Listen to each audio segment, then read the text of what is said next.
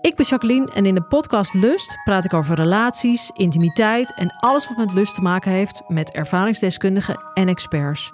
Of je nu in een relatie zit, single bent of iets daartussenin, Lust is de podcast voor jou. Overal te beluisteren, dus ook in jouw favoriete podcast-app.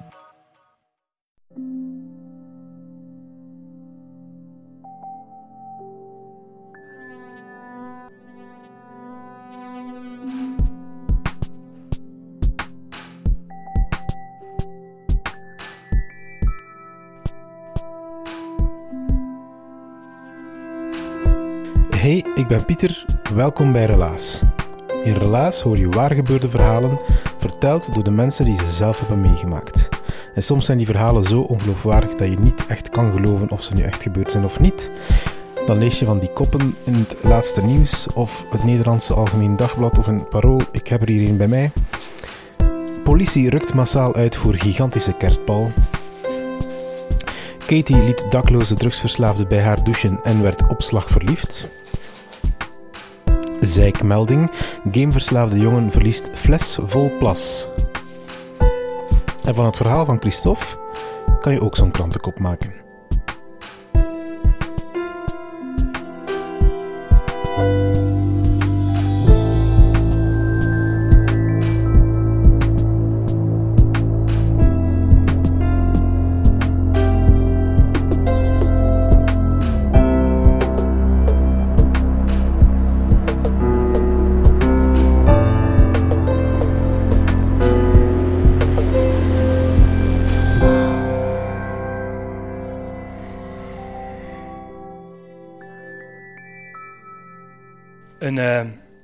Fantastische goede avond. 31 januari 2019 en ik mag jullie nog officieel een gelukkig nieuwjaar wensen. Ik mag jullie een gelukkig nieuwjaar wensen en we hebben dat de afgelopen maand allemaal heel veel gedaan. En uh, we hebben ook heel veel nieuwjaarsrecepties bijgewoond, uh, misschien sommige al iets meer dan anderen. En uh, je ziet mensen terug van het afgelopen jaar, maar je ziet ook heel veel nieuwe mensen. En zo was dat ook bij mij. Uh, wij zijn nog maar recentelijk, en recentelijk is twee jaar terug, verhuisd naar het pittoreske Vinkt. Vinkt, voor de mensen die dat niet weten liggen, dat ligt naast Deinze, dat ligt hier niet zo ver van, hè, maar dat ligt naast Deinze en uh, het is daar vrij mooi en vrij landelijk. En wij zijn daar voor de tweede keer op rij naar de nieuwjaarsreceptie geweest. En als je nieuw bent in een dorp van een paar honderd mensen, dan word je heel vaak bekeken. Zo van, wie, wie zei jij? Wie, wat, wat doe jij? Hè? Waar woon je vooral? En zo was dat niet anders bij ons. Dus voor de tweede keer gingen wij naar de nieuwjaarsreceptie. En uh, kwam er een vrouw uh, naast mij staan, en dus aan een toog. Hè, en ze was mij aan het bekijken en uh, alle moed bijeengeraapt, komt ze op mij afgestapt en zegt ze, en, waar woon hij? Dus ik begin te vertellen, ah, wij wonen hier achter de hoek, Kruisbulkstraat, vrij tof, vrij tof. Hè. Het, is hier, het is hier de max om te wonen.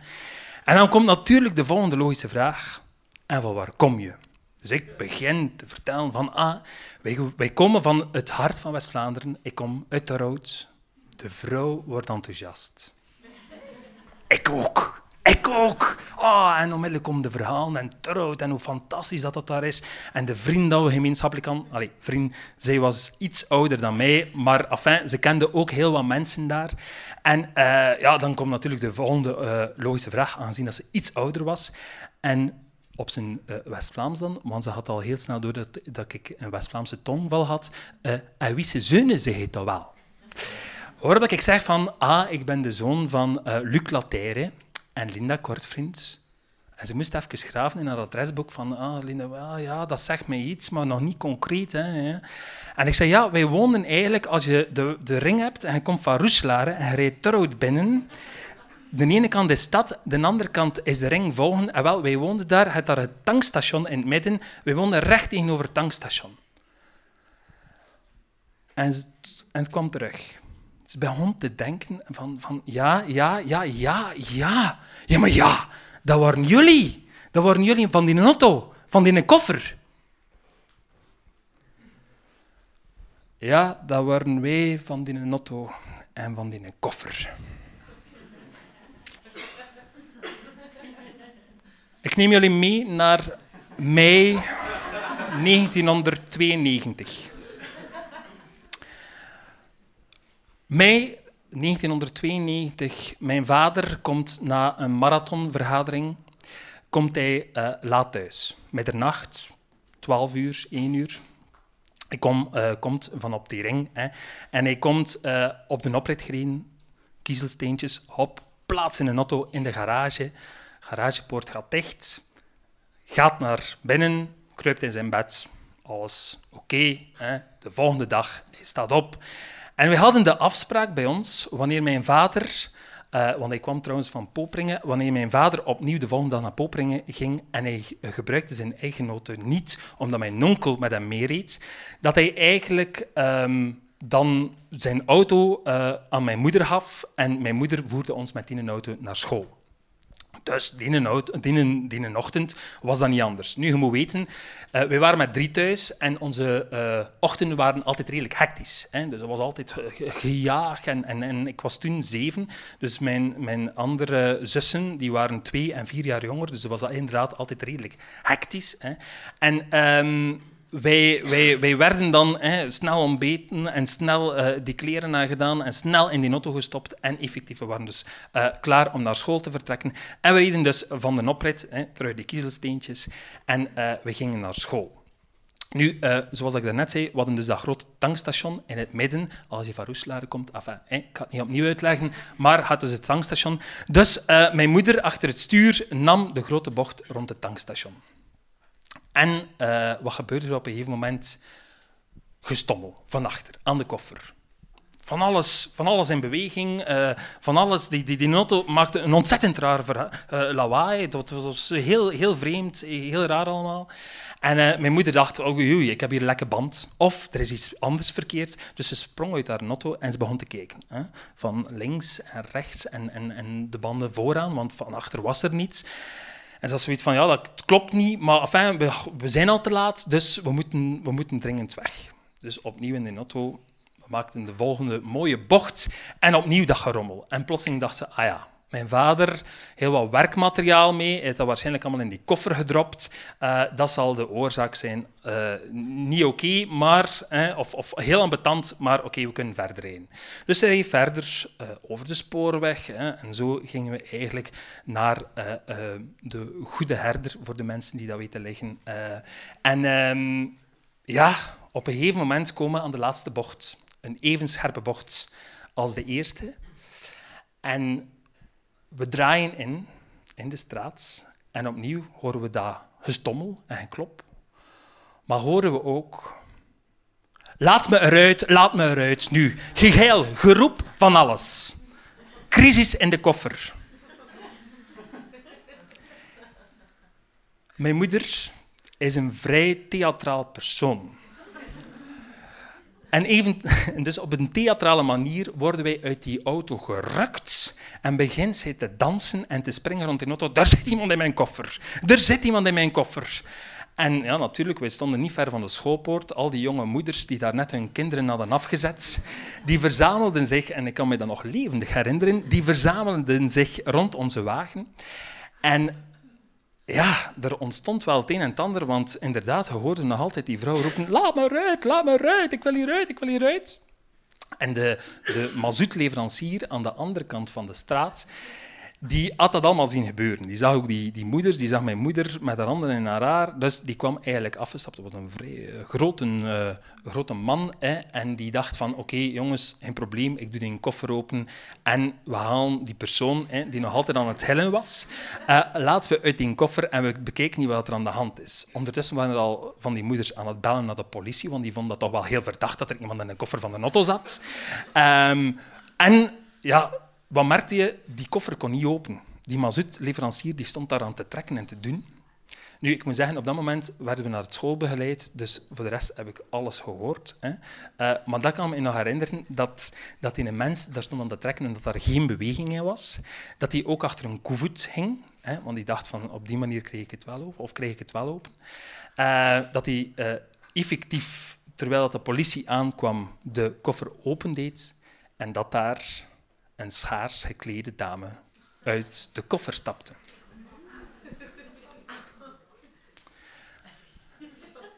Mijn eerste reactie zou zijn: Sorry papa, maar ik vind dat niet oké. Dat is wat de meeste mensen denken. Nu, wat is er echt gebeurd? Mijn vader is effectief thuisgekomen de avond voordien. Zat er een vrouw in zijn wagen? Nee. Dus dat is al oké. Hè? het is niet de vader. Wat is er gebeurd? Heeft zijn auto inderdaad binnengezet in de garage, maar iets verder bij ons, op de ring van Trout, was er een danscafé.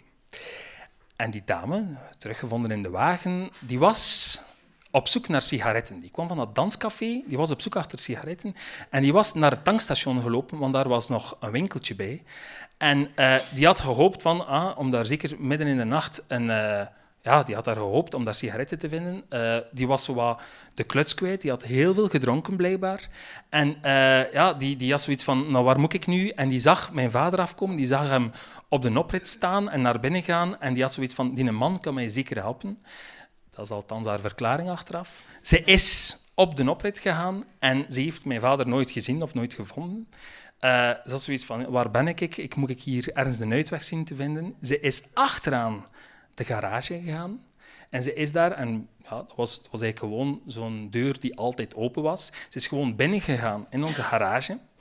En mijn vader, voor zijn lange vergadering dat hij had s'avonds, had het idee van, ik ga nog een collega bezoeken die ziek is. En hij had een, een fles rode wijn meegepakt. Maar hij had nooit die fles afgegeven. hij was nooit daar geraakt. Hè. Hij, hij, had dat nooit kunnen combineren met zijn vergadering. Dus die rode wijn lag op de passagierszetel. Ze had die wijn zien liggen en ze was inderdaad ze was beginnen prutsen aan die wijn, maar ze kreeg dat natuurlijk niet open. Dus ze dacht, zo nuchter was ze nog. Um, ik ga dat hier zoeken in de koffer. Ik ga hier iets zoeken om die wijn open te doen.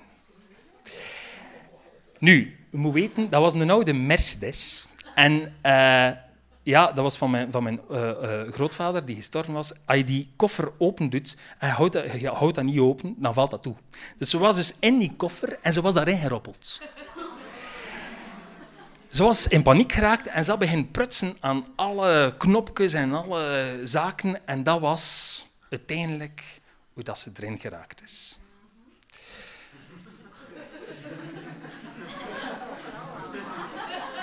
Van die vrouw één hebben we niets meer gehoord. Weet we niet meer. Het verhaal op zich is altijd heel leuk om te vertellen, want als we de drie wijzen spelen, of waar of niet waar, dan zeg je altijd mensen niet waar.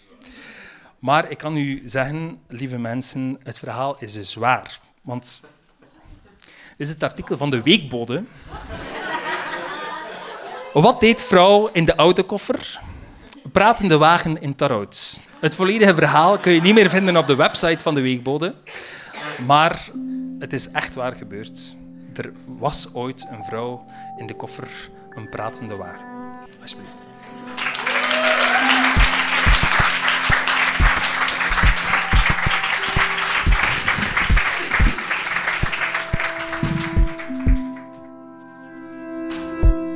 Dat was het relaas van Christophe. Hij vertelde het in Huset in Gent. Het was in februari van 2019. En inderdaad, op het einde van het verhaal staat Christophe te zwaaien met het artikel uit de weekbode. Dus het bewijs is geleverd dat dit over een waar gebeurd verhaal gaat. Wie zich hiervan ooit iets mocht kunnen herinneren, mensen uit Poperingen of zo, laat gerust iets weten via onze website. Of als je zelf ooit eens met zo'n verhaal in de krant hebt gestaan, als je zelf ooit een krantenkop bent geworden, dat mag ook in een grote krant als de, dan de weekbode zijn, dan mag je ons dat altijd laten weten. We hebben zo'n handig formuliertje gemaakt op de website waar je jouw verhaal kan droppen. En wie weet kom je dat binnenkort eens bij ons op het podium brengen. Wij zijn Team Relaas. Wij zijn Sarah de Smet, Egwin Gontier, Katlijn de Vries, Stefan Greijaert, Sarah Latré, Timon van de Voorde, Lynn Somers, Rick Merci, Anneleen Schelstraten, Marlen Michels, Ruby Bernabeu Plaus, Jurgen Strooband, Lisbeth Tanink, Steve Konaar, Charlotte Huigen, Evita Nocent, Dieter van Huffel, Philip Cox, Silke Durie, Tessa Amelink en ikzelf ben Pieter Blomme. Wij danken ons bestaan niet alleen aan onszelf, nee, wij krijgen daar ook een financiële duw in de rug voor. Dankjewel Stad Gent en de Vlaamse gemeenschap. Krijgen ook heel veel hulp van Den Hopzak, van Huset, Urgent FM en Chase. En van jou. Jij blijft luisteren. Vorige week heb je dat gedaan met meer dan 9000 andere relaasvrienden. Daar zijn wij ongelooflijk trots op en blij om. Maar het kan altijd beter. Doe ons een pleziertje en als je dit verhaal aan het beluisteren was, moest je toen aan iemand denken? Wel, stuur dit verhaal alsjeblieft door naar die persoon. Dan zijn we volgende week met 18.000. Dat zou de max zijn.